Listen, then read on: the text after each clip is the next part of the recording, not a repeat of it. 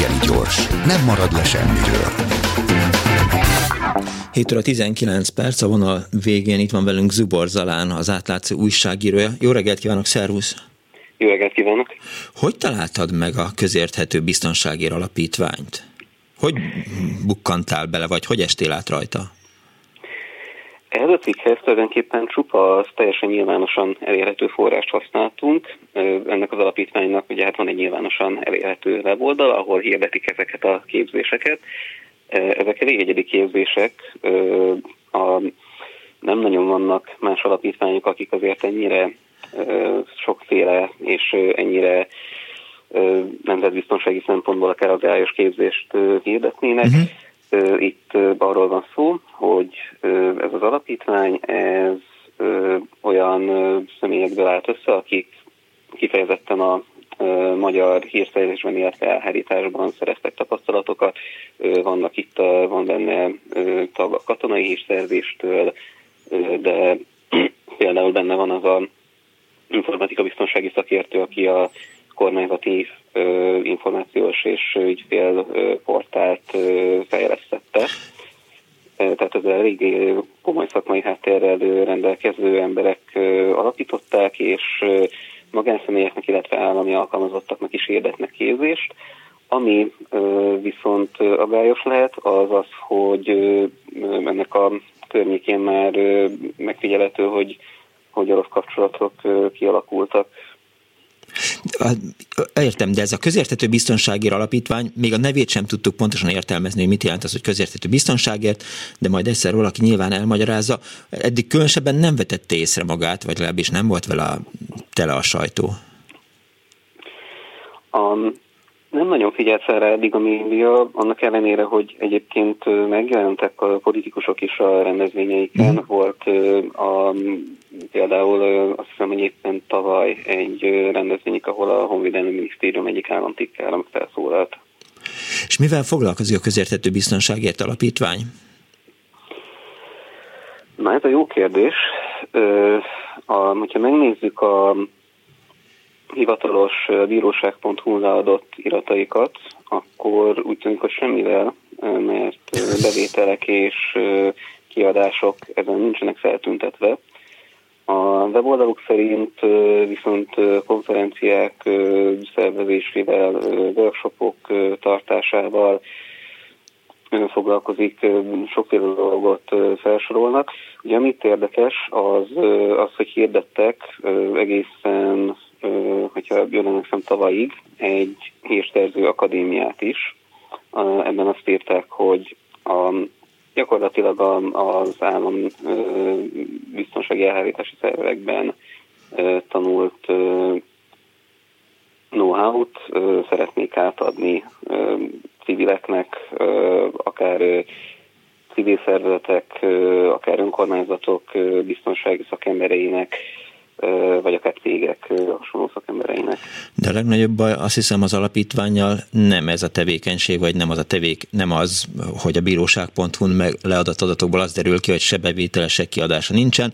Ott, ha jól olvastam a cikket, cikketben, azt mondják, hogy hát a kuratóriumi tagok befizetnek pénzeket, és ebből finanszírozzák az alapítvány működését, ami hát meglehetősen érdekes, de hát fogadjuk el, hogy, mm. hogy ez is egy ilyen létező magyarázat. Itt inkább az orosz kapcsolatok azok, amelyek a cikket szerint gyanussá vagy, vagy furcsává teszik ezt az alapítányt, illetve ennek működését?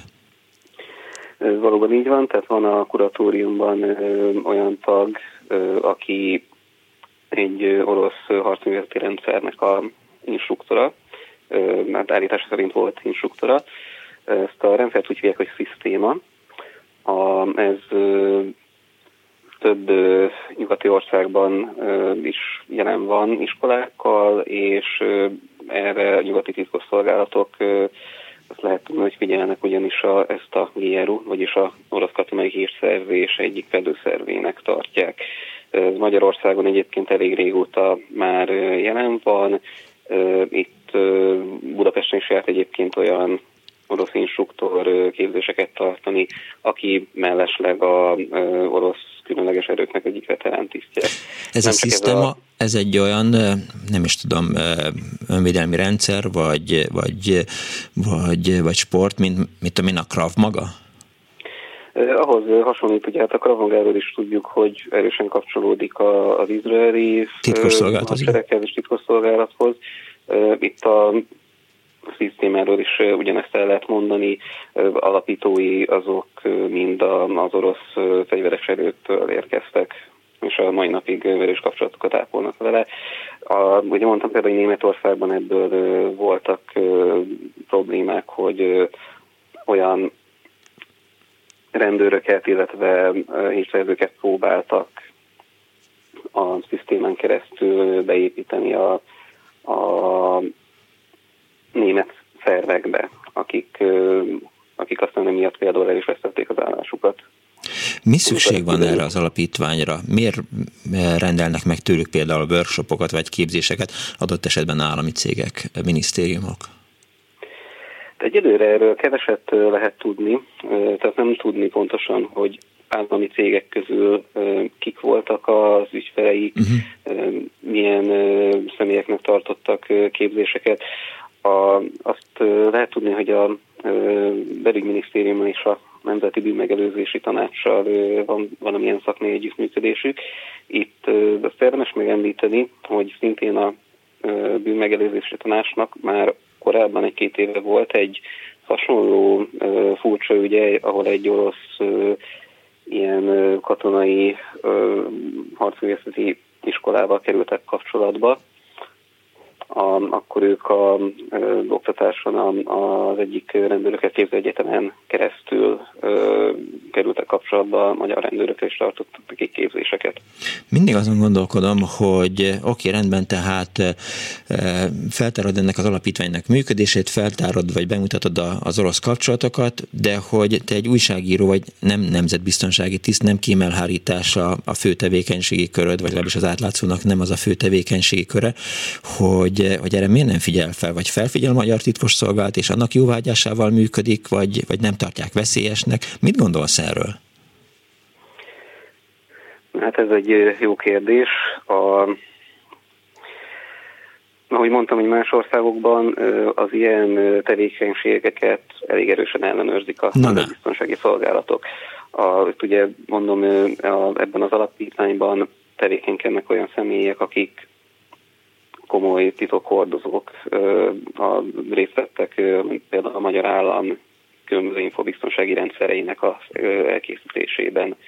Az ő tevékenységüket, még hogyha már nem is dolgoznak az államnak, akkor is ellenőrizni kellene, és itt, itt nem tudunk róla, hogy, hogy ilyen történt volna. Megkerestük a minisztériumokat kérdeztük, hogy, hogy bármilyen szűrés történt-e, foglalkoznak-e itt a tevékenységükkel, ellenőrzik, hogy milyen oktatást tartanak, és, és nem látni, hogy lenne ilyen. Beszéltünk egy szakértővel, aki korábban dolgozott az elhárításnál, és elmondta, hogy ez egy, ez egy rendszer szintű probléma, hm. mert egyszerűen elmosódnak a határok a ellenőrzött oktatás, tehát a, a elhárító és, és titkosszolgálati tisztek képzése, és a különböző ilyen civil magán képzések között, ami mindenkinek elérhető.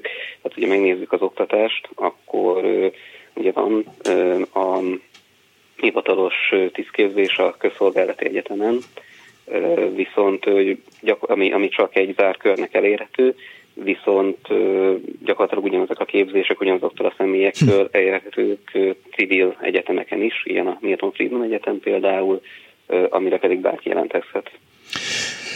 Fura, és rengeteg kérdés merült fel bennem. Az egyik talán az, hogy miért tartotta fontosnak az alapítvány, hogy megváltoztassa a honlapját, illetve hogy eltüntessen róla tartalmakat, de hát gondolom az majd ki fog derülni. Nagyon szépen köszönöm Zubor Zalánnak, az átlátszó újságírójának, hogy rendelkezésünkre állt, a cikkét pedig ajánljuk a kedves hallgatók figyelmébe a közérthető biztonságért alapítvány működését bemutató írást. Viszontalásra, szervusz! Köszönöm, viszontalásra!